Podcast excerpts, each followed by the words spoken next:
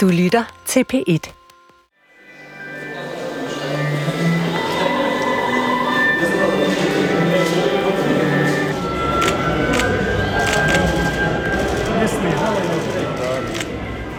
Jeg sidder her med et øh, billede, som jeg virkelig synes giver sådan begrebet sofahygge ret nye øh, dimensioner.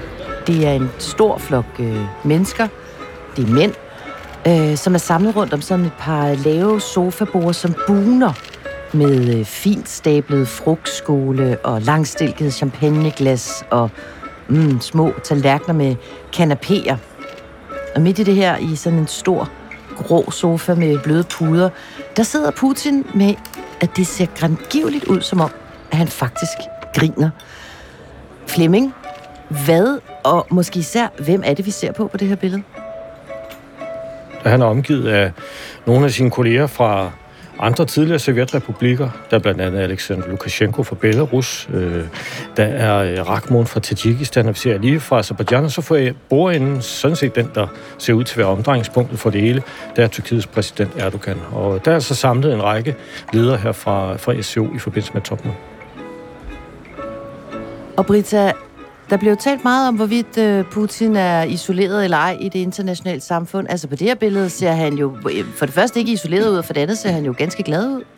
Han er bestemt ikke øh, isoleret, når vi taler om den her kreds, og også en, en større kreds. Men hvis vi tænker tilbage på den gang, Rusland var medlem af G8, så virker det som om, det er 100 år siden efterhånden. Så der er jo ligesom nogle steder, hvor han øh, er persona non grata.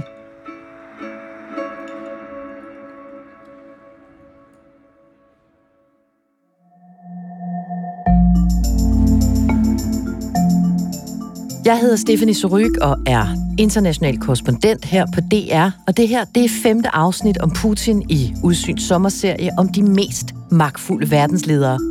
Vi har talt om, hvordan Putin han er blevet til Putin. Vi har talt om, hvordan Putins drømme Rusland det ser ud. Hvordan han har fået rollen som krigsherre og rollen som vestens største skurk. Og i det her sidste afsnit, der skal vi så tale om, hvad det er for nogle vigtige venner, Putin han har fået undervejs, og hvor afhængig Putin er af dem for at bevare sin magt, og ikke mindst, hvordan de her venner kommer til at tegne fremtiden for Putins Rusland.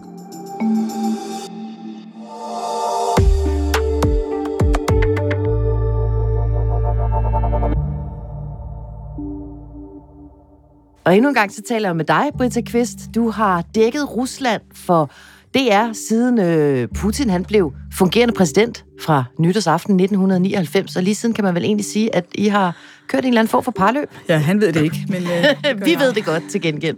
Og så har vi jo fået besøg af dig, Flemming Splidsbol. Du er seniorforsker på DIS, Dansk Institut for Internationale Studier. Du har speciale i Rusland og de tidligere sovjetlande, og så må man give dig, du har været på overarbejde siden krigen i Ukraine den begyndte. Så tak, fordi du også øh, vil være med til at gøre os klogere her i, øh, i sommerferien.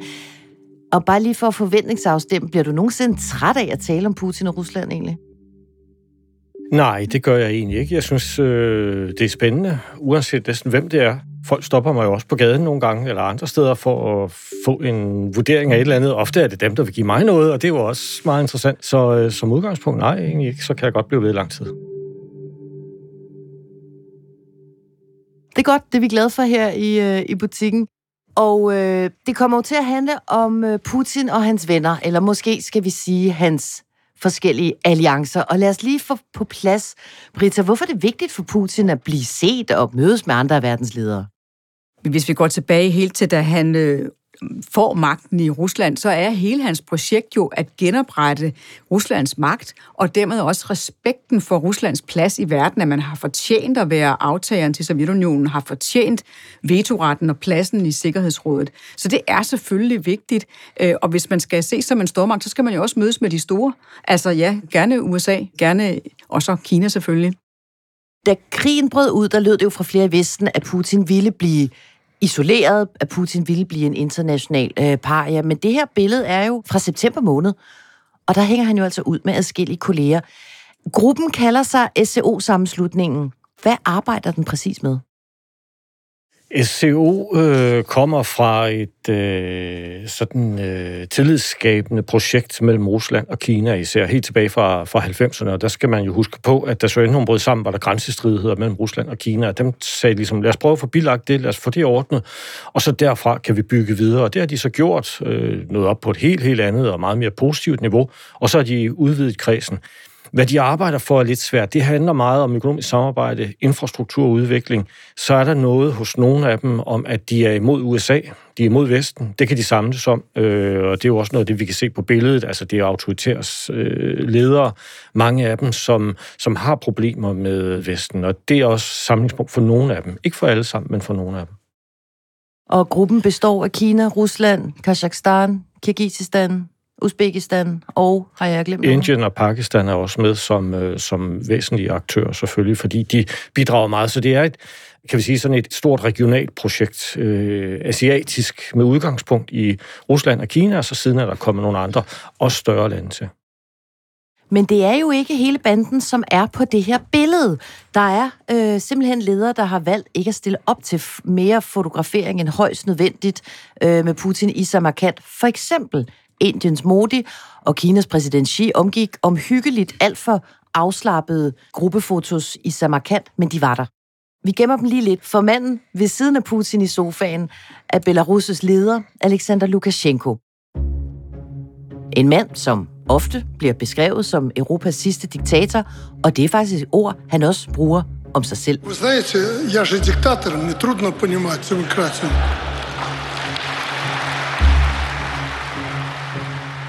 Brita, vil du også kalde Lukashenko diktator? Det synes jeg godt, man kan kalde ham, men øh, han er jo en svag diktator. For hans magt ligger i Vladimir Putins lomme. Altså, det er lidt komisk på en måde, fordi øh, Lukashenko er sådan i virkeligheden en ret stor mand, og Putin er egentlig ikke øh, særlig stor, men øh, magtforholdet er omvendt proportionalt i høj grad fordi øh, ikke mindst da protesterne imod resultatet, det officielle resultat af præsidentvalget i 2020, det blev omsat i nogle, der kom nogle enorme protester, der var det jo øh, Rusland, der rykkede ind og gav Lukashenko støtte. Han var også i Moskva og få penge for støtte, da han jo ligesom havde vendt ryggen, eller hvis den havde vendt ryggen til ham. Så han er i høj grad på Ruslands øh, nåde det er det, der faktisk gør ham svag, og også udskiftelig, hvis Putin ikke ønsker, at han skal sidde der længere. Så et øh, ulige magtforhold. Er der også en form for venskab her? Flemming Putin har jo for eksempel inviteret Lukashenko og søn øh, ud på sin øh, hjort.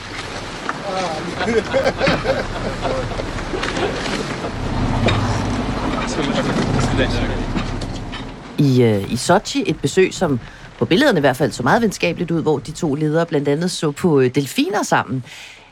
Er de gode venner?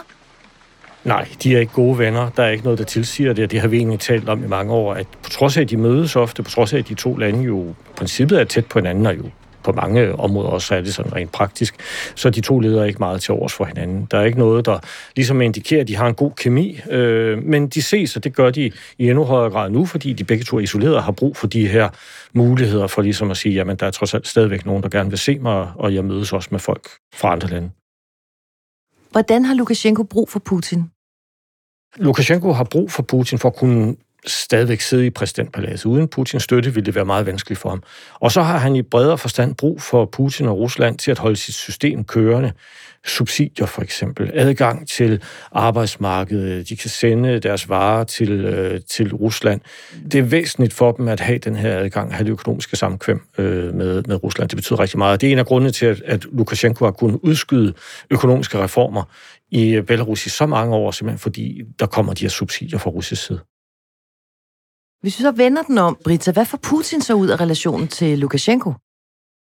Jamen, de har jo øh, en øh, unionsstat og nogle militære aftaler, der gør, at øh, Rusland bruger Belarus territorium, som om det var hjemme hos dem selv, og i høj grad gør det og har gjort det i forbindelse med invasionen i Ukraine. Nu er der så også lavet en aftale om, at atomvåben skal opstilles på belarusisk område. Så på nogle måder, så, så er det sådan set, altså nogen siger jo også, at Lukashenko faktisk ikke er leder i en suveræn stat længere. Det er de facto et fælles territorium. Putins venskab med Lukashenko, det får jo pludselig endnu mere opmærksomhed, da Wagnergruppens leder Prigozhin kører sine tropper mod Moskva i det, som mange, inklusiv Putin, jo omtaler som et reelt kupforsøg.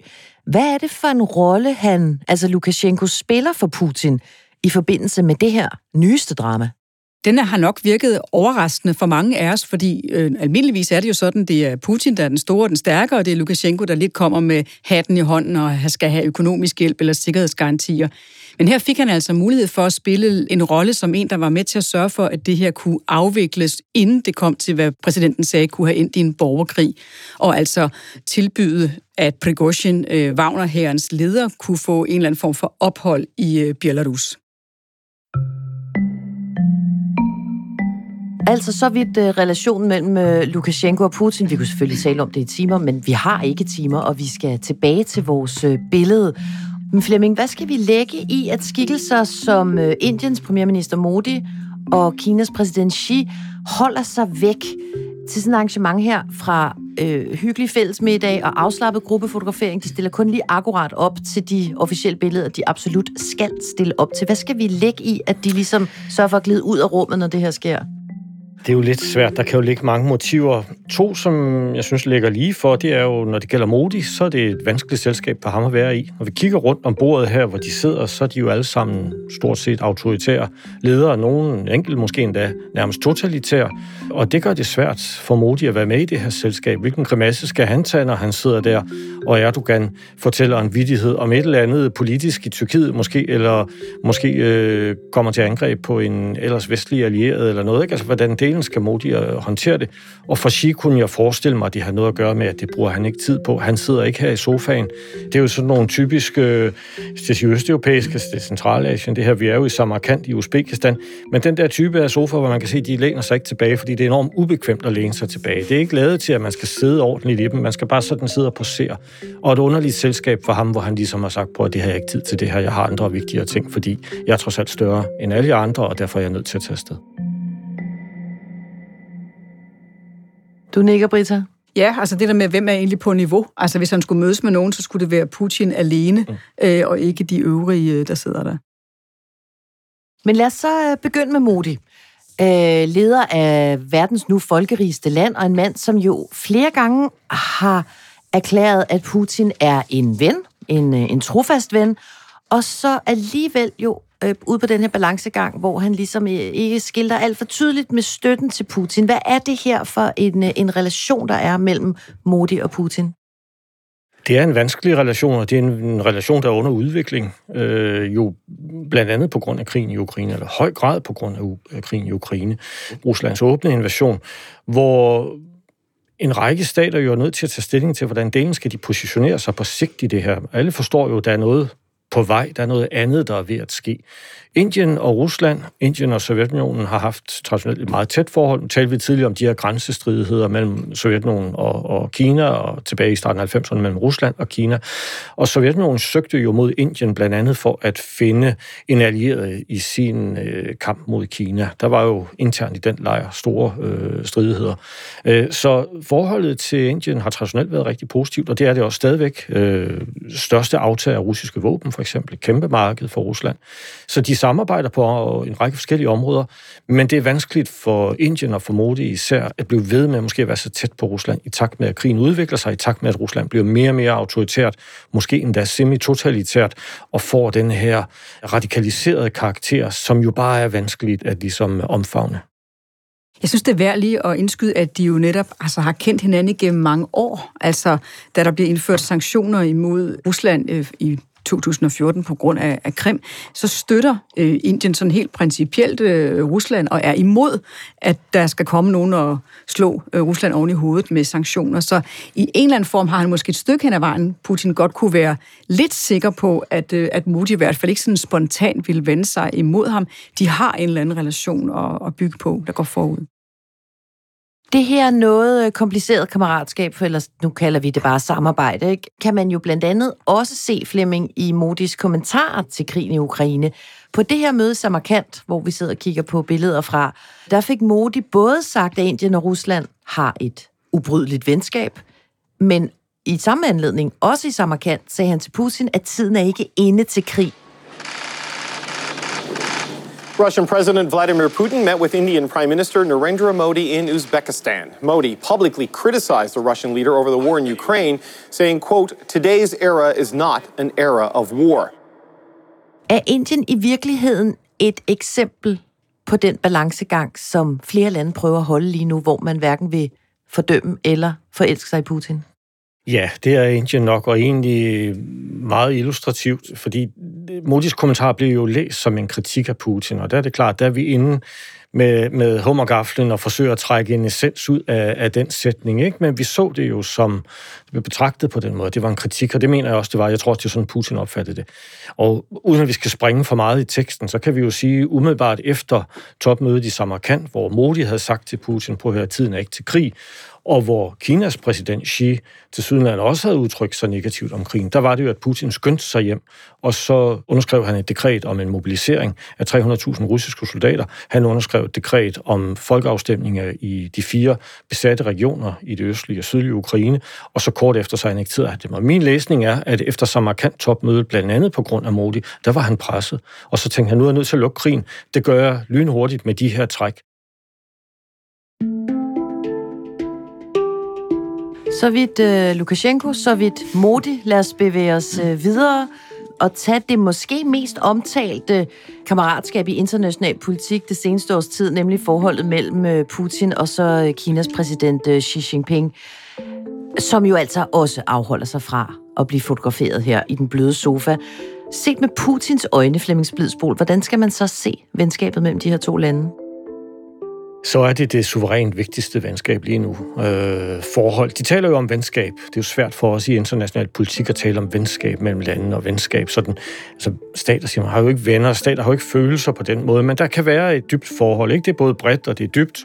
Det dækker mange områder, og efterhånden har det også nået sådan en, et vist niveau øh, i kompleksitet, så det er meget vigtigt. Og det øh, var det før Ruslands åbne invasion af Ukraine i februar 22, og det er det øh, især blevet efter det. Så det er meget vigtigt.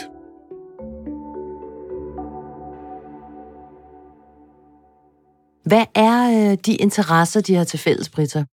Jamen, igen kan man sige, at Kinas insisteren på, at den udgave af, hvad demokrati er, hvordan man bør opføre sig, som EU og USA prøver at øh, gøre gældende som noget universelt, det vil de ikke være med til.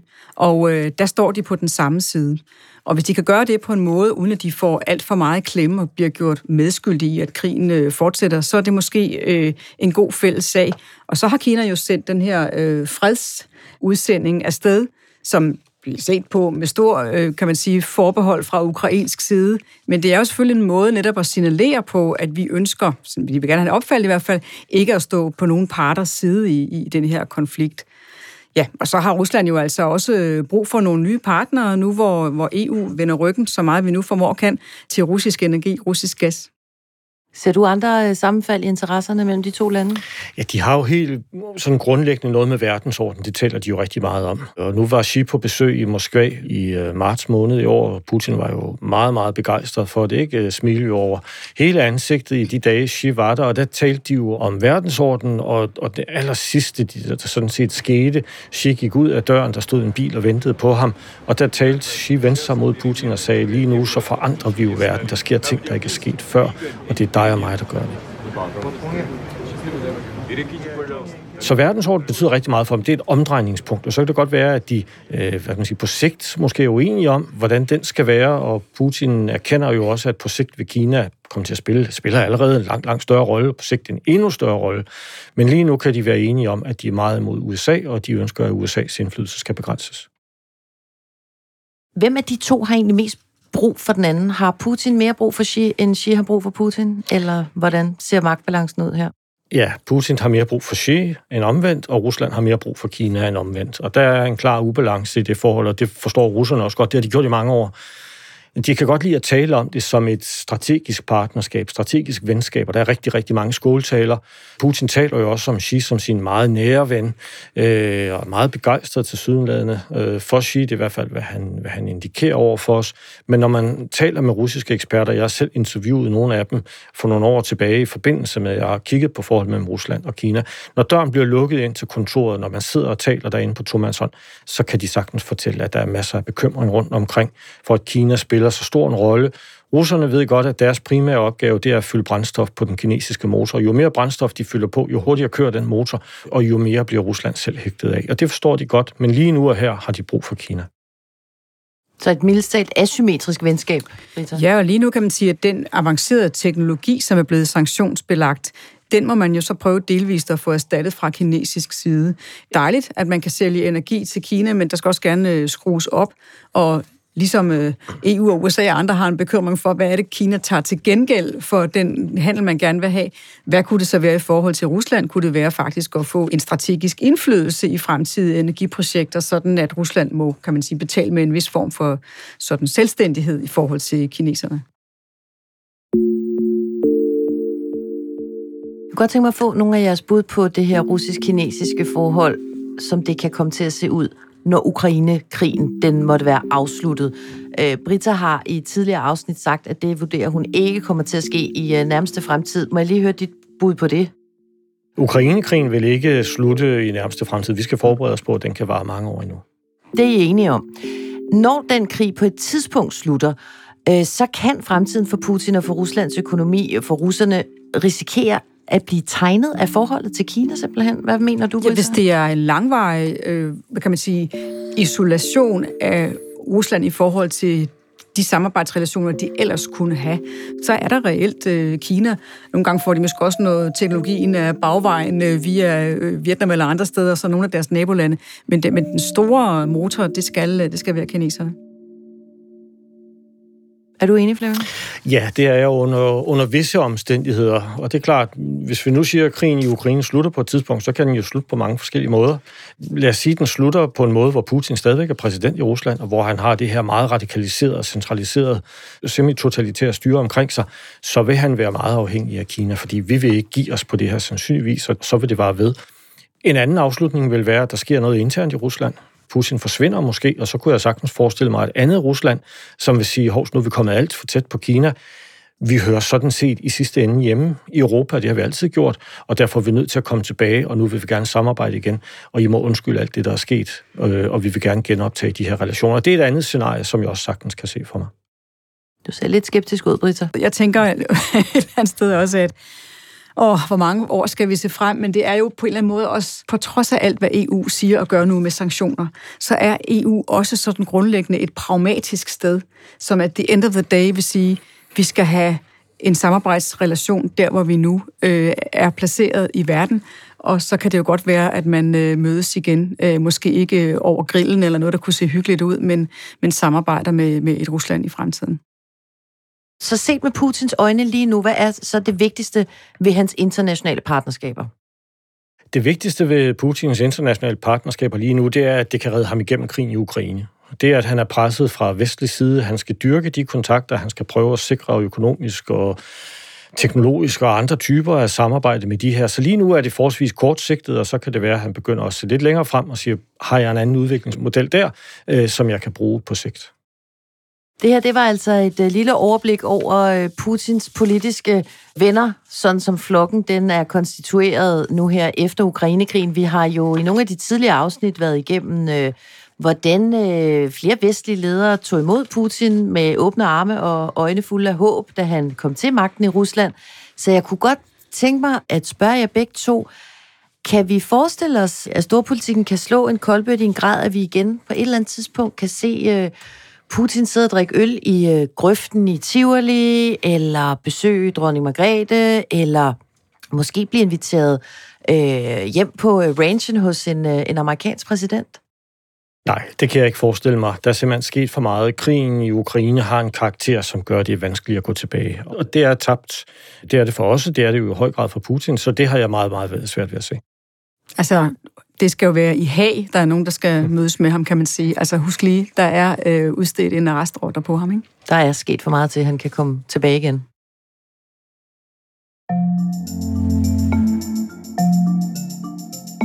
Tusind tak for de vurderinger til dig, Flemming Splidsbol, og dig, Britta Kvist. Det her det blev jo altså sidste afsnit om Putin her i Udsyns sommerspecial om nogle af verdens mest magtfulde og interessante ledere, som verden den ser ud, i hvert fald den her sommer. Alle fem afsnit om Putin, dem kan du finde nu i appen DR Lyd.